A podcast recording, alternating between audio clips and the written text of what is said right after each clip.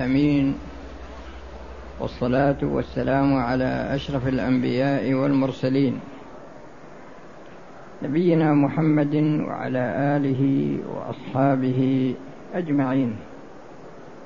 أما بعد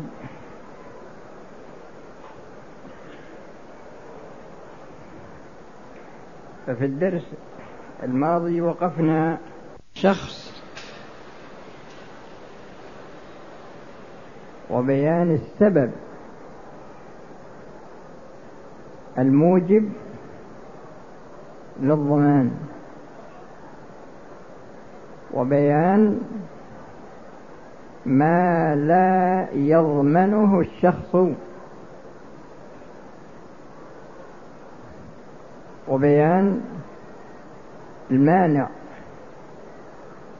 الذي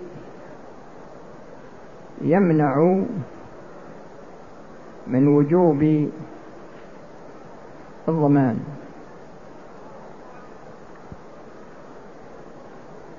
وهو ذكر هنا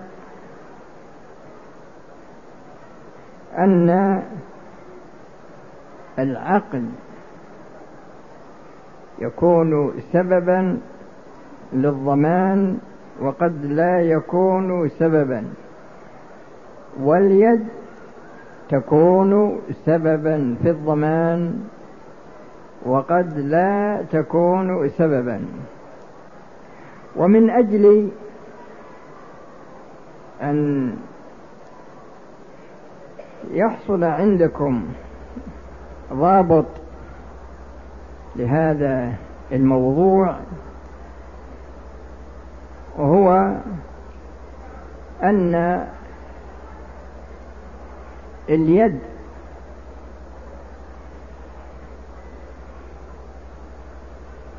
تارة يعني اليد التي نشأ عنها الإتلاف. هذه اليد تارة تكون يد أمانة وتارة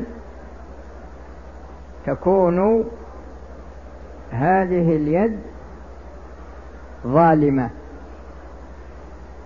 يعني تارة تكون هذه اليد التي تسببت بالإتلاف. تارة تكون يدا.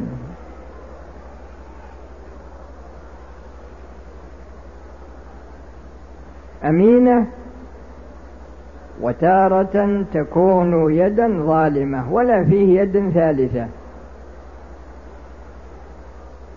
هذه اليد الأمينة يعني تكون أمينة على الشيء الذي تلف. علاقة هذه اليد بهذا الشيء الذي تلف لها ثلاث حالات. هذه اليد التي تلف الشيء تحتها لها ثلاثة ثلاث حالات. هذه هي اليد الأمينة. الحالة الأولى أن يكون الشخص المؤتمن مثل الوكيل ومثل المودع ومثل المستعير ومثل ناظر الوقف ومثل الوصي على ثلث ميت أو وصي على أيتام وفي عقود كثيرة لكن المهم هو أن هذا الشخص مؤتمن. يتلف هذا الشيء بسببه هو. يتلف هذا الشيء بسببه أي أنه هو الذي باشر الإتلاف. هو الذي باشر الإتلاف بنفسه. فإذا باشر الإتلاف بنفسه فإنه يكون ضامنا. إذا باشر الإتلاف بنفسه فإنه يكون ضامنا. وهكذا إذا كان سببا في الإتلاف وليس هناك مباشر لأن تارة يكون سبب فقط وتارة يكون مباشر فقط وتارة يجتمع المباشر والسبب. فإذا وجد المباشر أضيف إليه وإذا وجد المتسبب ولم يوجد المباشر أضيف إليه. وإذا اجتمعا اجتمع المتسبب والمباشر فالعهدة تكون على المباشر لا على المتسبب. فالمقصود أنه إذا باشر الشيء يعني أتلف الشيء بمباشرته أو أتلفه بمتسبب وليس هناك مباشر ففي هذه ففي ففي هاتين الحالتين في هاتين الصورتين يكون ضامنا يكون ضامنا. هذه حالة من الثلاث. الحالة الثانية أن يكون مفرطا يعني هو مؤتمن. لكنه فرط مثلا في حفظ الوديعة. فرط في حفظ الوديعة أو فرط حصل منه تفريط في رقبة الموقوف. إلى المهم أنه حصل منه تفريط. فإذا حصل منه تفريط فإنه يكون ضامنا. يعني معنى ضامن أنه يعني إذا كان هذا الذي تلف له مثلي فالواجب عليه أن يأتي بمثله. وإذا لم يكن مثليا بل كان متقوما فإنه ينظر إلى قيمته ويسلم قيمته. هاتان هاتان حالتان الحالة الأولى أن يكون سببا أو مباشرا للإتلاف يعني مباشر فقط أو متسبب فقط وليس هناك مباشر. ففي هاتي فحينئذ يكون ضامن. وهكذا إذا فرط وهكذا إذا فرط. هذه هذه اليد الأمينة. إذا لم يحصل منه تفريط ولم يحصل منه سبب ولا مباشر ولا مباشرة للشيء وتلف فإنه لا يكون ضامنا. فإنه لا يكون يعني ضامنا لهذا الشيء الذي تلف. فإذا ننظر إلى هذا الشيء الذي تلف. اليد المؤتمنة عليه. هل باشرت الإتلاف؟ هل فرطت في هذا الشيء الذي ائتمنت عليه حتى تلف؟ هل تسبب في الإتلاف ولم يكن هناك مباشر فحينئذ يكون ضامنا؟ إذا فقد التسبب بدون مباشر وفقدت المباشرة وفقد التفريط وتلف تلف هذا تلفت الوديعة تلف الموصى به تلف الموقوف فإنه لا يكون ضامنا. هذا إذا كانت اليد يد أمانة. وصورها كثيرة جدا وذكرت لكم جملة من الأمثلة والمؤلف رحمه الله ذكر أيضا جملة أخرى. بإمكانكم أنكم ترجعون إليها. هذا إذا كانت اليد مؤتمنة. القسم الثاني أن تكون اليد ظالمة. القسم الثاني أن تكون اليد ظالمة. واليد الظالمة مثل يد السارق على المال المسروق. ومثل يد الغاصب على المال المغصوب يعني هو الذي سرق.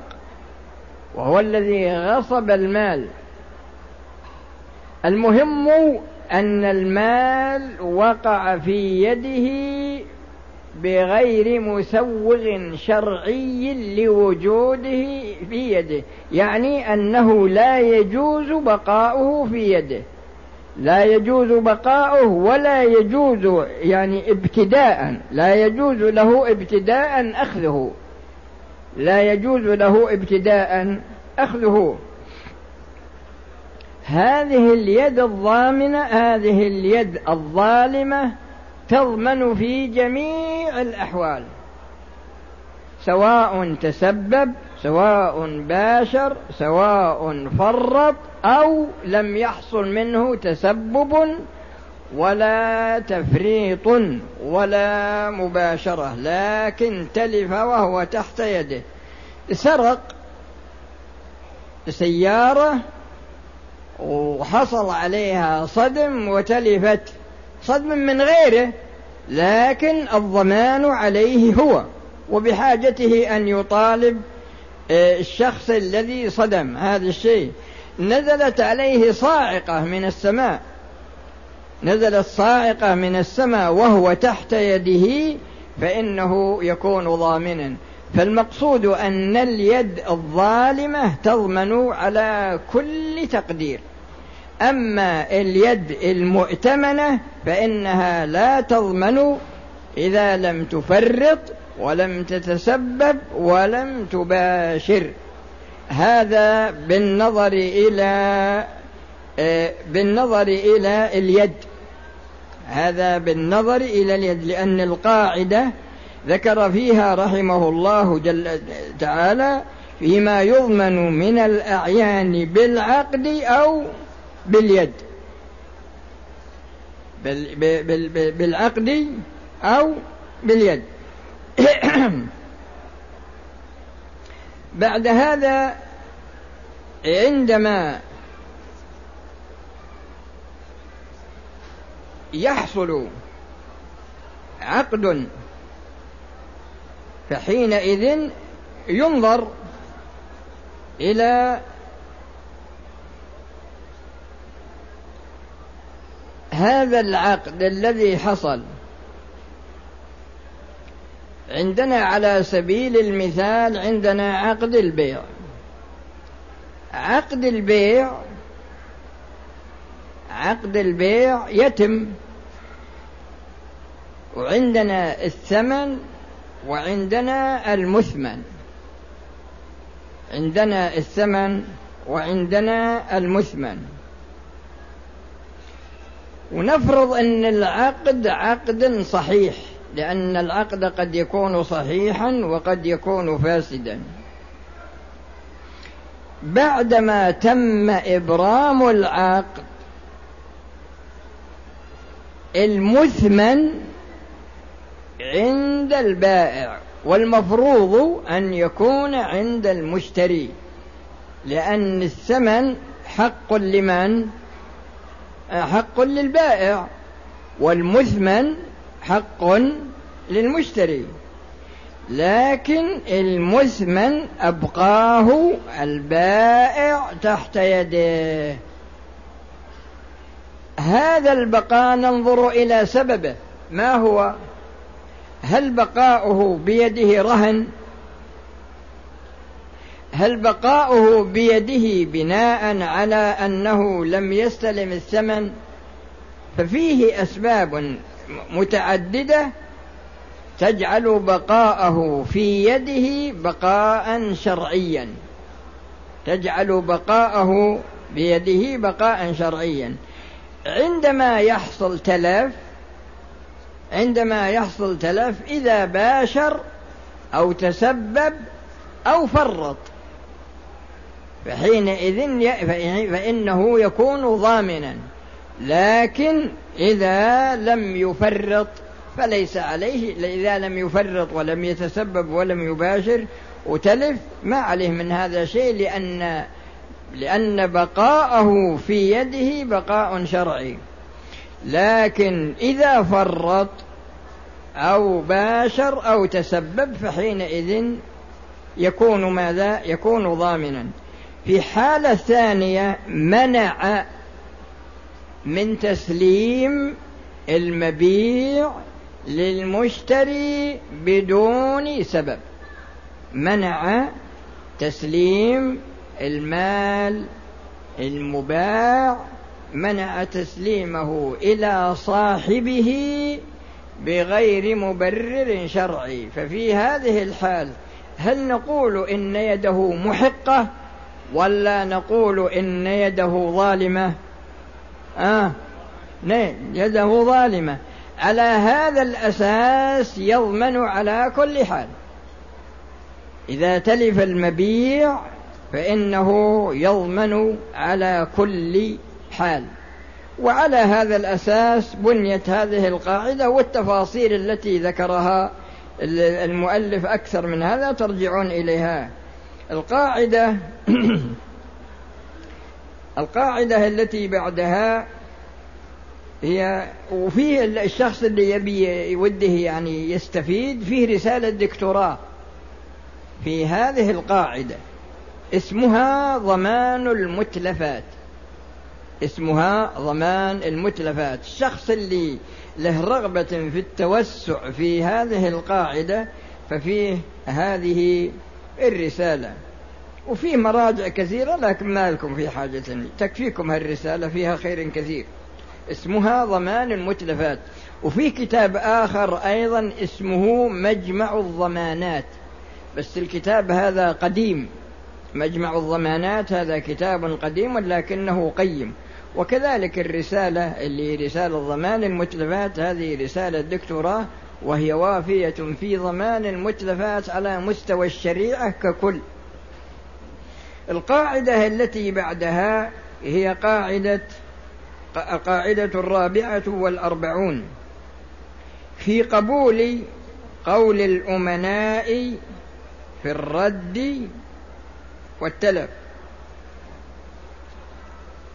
في قبول قول الأمناء في الرد والتلف. هذه القاعدة اشتملت على أمرين. الأمر الأول إذا حصل نزاع بين الأمين ومن ائتمنه. بين الأمين ومن ائتمنه.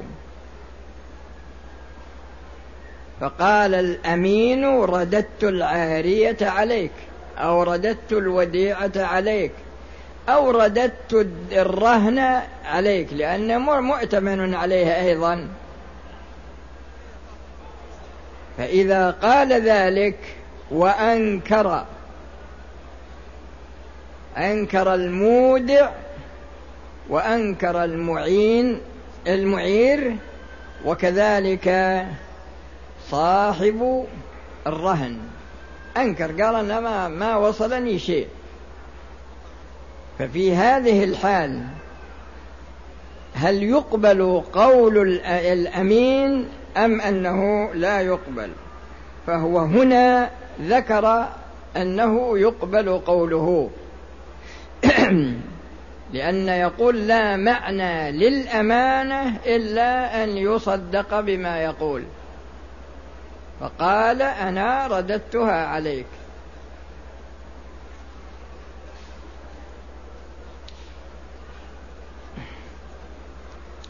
الثاني إذا إذا حصل بينهما خلاف في آه، في التلف. إذا حصل بينهما خلاف في التلف فهو هنا يقول إذ لا معنى للأمانة إلا انتفاء الضمان ومن لوازمه قبول قوله في التلف.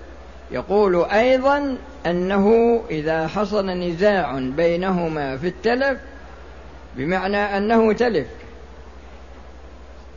فعلى كلامه هنا يصدق بقوله إن هذا المال تلف. لكن لو فرضنا أنه ادعى أنه تلف بسبب ظاهر. ادعى أنه تلف بسبب ظاهر. يعني مثل حريق. الحريق لا يخفى على الناس. لكن الشخص صاحب المال سأل البلد قالوا أبدا ما حصل حريق إطلاقا. لا في بيت ولا على مستوى سوق ولا قالوا ما فيه أبدا. فعندما يدعي سببا ظاهرا لا بد أن يثبت.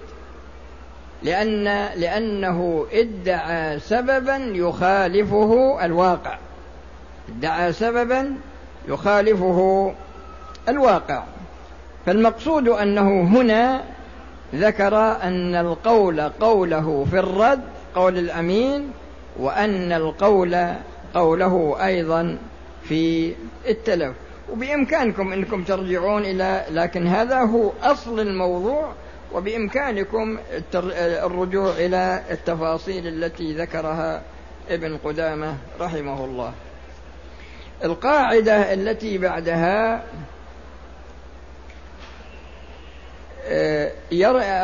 كذلك هذا يرجع إلى عقود الأمانات. عقود الأمانات. الشخص عندما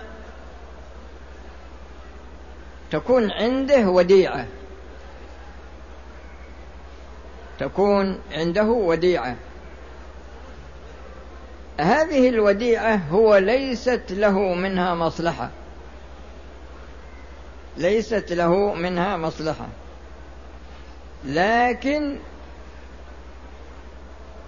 صار يستعملها. إنسان قال له من فضلك أنت عندك جراج كبير وهذه سيارتي أبيها وديعة عندك مدة شهر مدة شهرين. وهذه مفاتيحها معها. صاحبنا هذا ما يشتغل بالنهار يشتغل بالليل. إذا جاء الليل ركب السيارة وصار يشتغل عليها ويأجرها وإلى جاء وقت النوم يجي للبيت ويحط الفلوس بجيبه. وبعد ما انتهى الشهر وصار صاحب السيارة يبي يجي قام وعدل حق الكيلوات الممشى هذا. عدله على الرقم القديم اللي يوم تلقى في السيارة لأنه ضابط الروح في السرقة. في آخر المدة حصل حادث على السيارة فانعدمت. هذا هو السبب هذا هو الشاهد في الموضوع. في هذه الحال هل يكون ضامنا؟ بالنظر إلى أنه ألغى عقد الوديعة لأن لما أخرجها وصار يستعملها ألغى عقد الوديعة. انتقلت يده من كونها يد أمانة إلى كونها يد غاصبة.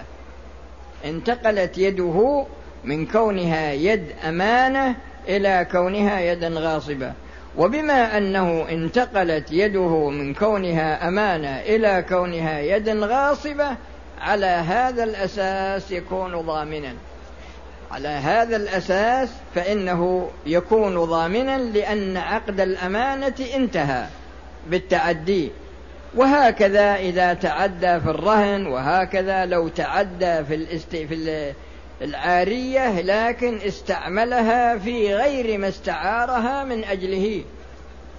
في غير ما استعارها من أجله لأن بعض الناس بعض الناس شعوره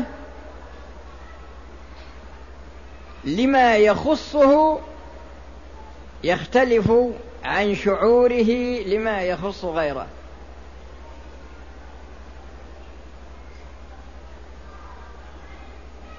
بمعنى أن نظره لما يملكه يختلف عن نظره لما يملكه غيره.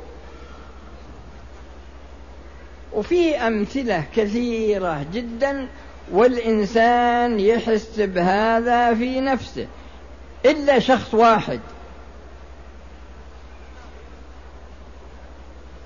أو نوع من الأشخاص الذين يشتغلون لوجه الله فقط. الذين يشتغلون لوجه الله لا يفرقون بين ما يخصهم ويخص غيرهم. بمعنى أنهم يطبقون مفهوم قوله صلى الله عليه وسلم لا يؤمن أحدكم حتى يحب لأخيه ما يحب لنفسه. فيه رجل عنده دابة للركوب. وكانت يعني مثل ما تقول شبه ضائعة عنه فما كان يمشي في سوق في طريق فوجد أربعة وجد أربعة ركبوا على هذه الدابة جميعا. طبعا هذه الدابة ليست ملك لهم والمفروض ما يركب إلا واحد لأنها مركوب لنفر واحد. لكن ركب أربعة. على هذه الدابة ويضربونها ضربا قوي لأن وزنهم ثقيل. ويضربونها ضربا قوي يبونها تمشي بسرعة. هو يشاهدهم على بعد. قرب منهم ويجهل. يقول يعني تجاهل إنها ليه؟ قال يا جماعة ما تتقون الله. هذا يعني قال هذا ملككم أنتم كيف تظلمونه؟ قالوا لا يا شيخ هذا ما هو بلنا هذا وجدناه في الطريق ونبي نلعب عليه ونبي نروح به نقضي حوايجنا. فنظرة الإنسان إلى ما يملكه تختلف عن نظرته إلى ما يملكه غيره. بمعنى أنه يكون عادلا ويكون محسنا. فيما يملكه. لكنه يكون ظالما ويكون مسيئا فيما يملكه غيره. ومثل هالحين اللي بعض بعض الناس مثلا يأخذ سيارة من واحد يعني يعطيه إياه يقول من فضلك بأخذ سيارة بروح عليها المحل الفلاني. لكن إنك تجد إنه من ناحية السرعة لا قوة إلا بالله. من ناحية المطبات ما يبالي أبدا من ناحية يطلعها عن المسفلات يضربها يعني حفر يضرب. ما عليه لأنه ما هي بله. لو خربت قال والله مع الأسف السيارة حصل أعطيها عطال وترى تركتها بالمكان الفلاني. أنا غرضي من هذا إن اليد إذا كانت مؤتمنة وحصل تعدي من هذه اليد فإن المتعدي هذا يكون ضامنا على كل حال لأن عقد الأمانة انتقض بالتعدي وانتقلت الحال إلى صورة أخرى وهي أن اليد صارت غاصبة أو تقول صارت ظالمة صارت ظالمة. وتقرؤون عاد الفروع اللي هو ذكر رحمه الله وبهذا نكتفي بهذا الدرس ونقف على القاعدة السادسة والأربعين وهي قاعدة العقود الفاسدة وما يتصل بها. إن شاء الله تكون هي محل الدرس القادم هي وبعض القواعد التي بعدها. والسلام عليكم ورحمة الله وبركاته. وإذا كان فيه أسئلة ما في شيء.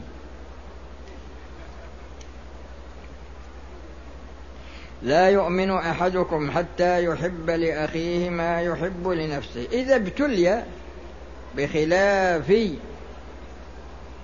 مضمون الحديث بعض الناس وكل يسمع هذا الحديث فينزله على نفسه وأنه هو المظلوم وأن غيره هو الذي لا يرى إلا نفسه.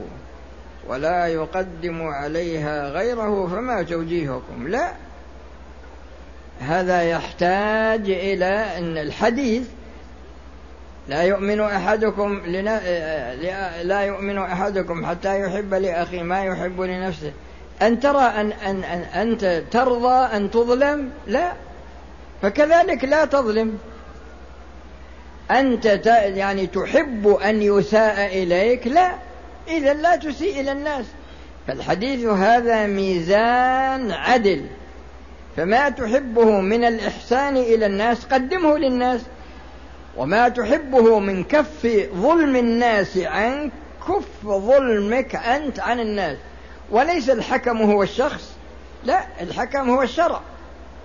ولهذا الرسول صلى الله عليه وسلم قال لو يعطى الناس بدعواهم لادعى رجال دماء قوم وأموالهم ولكن البينة على المدعي ولم والبينة على المدعي واليمين على من أنكر.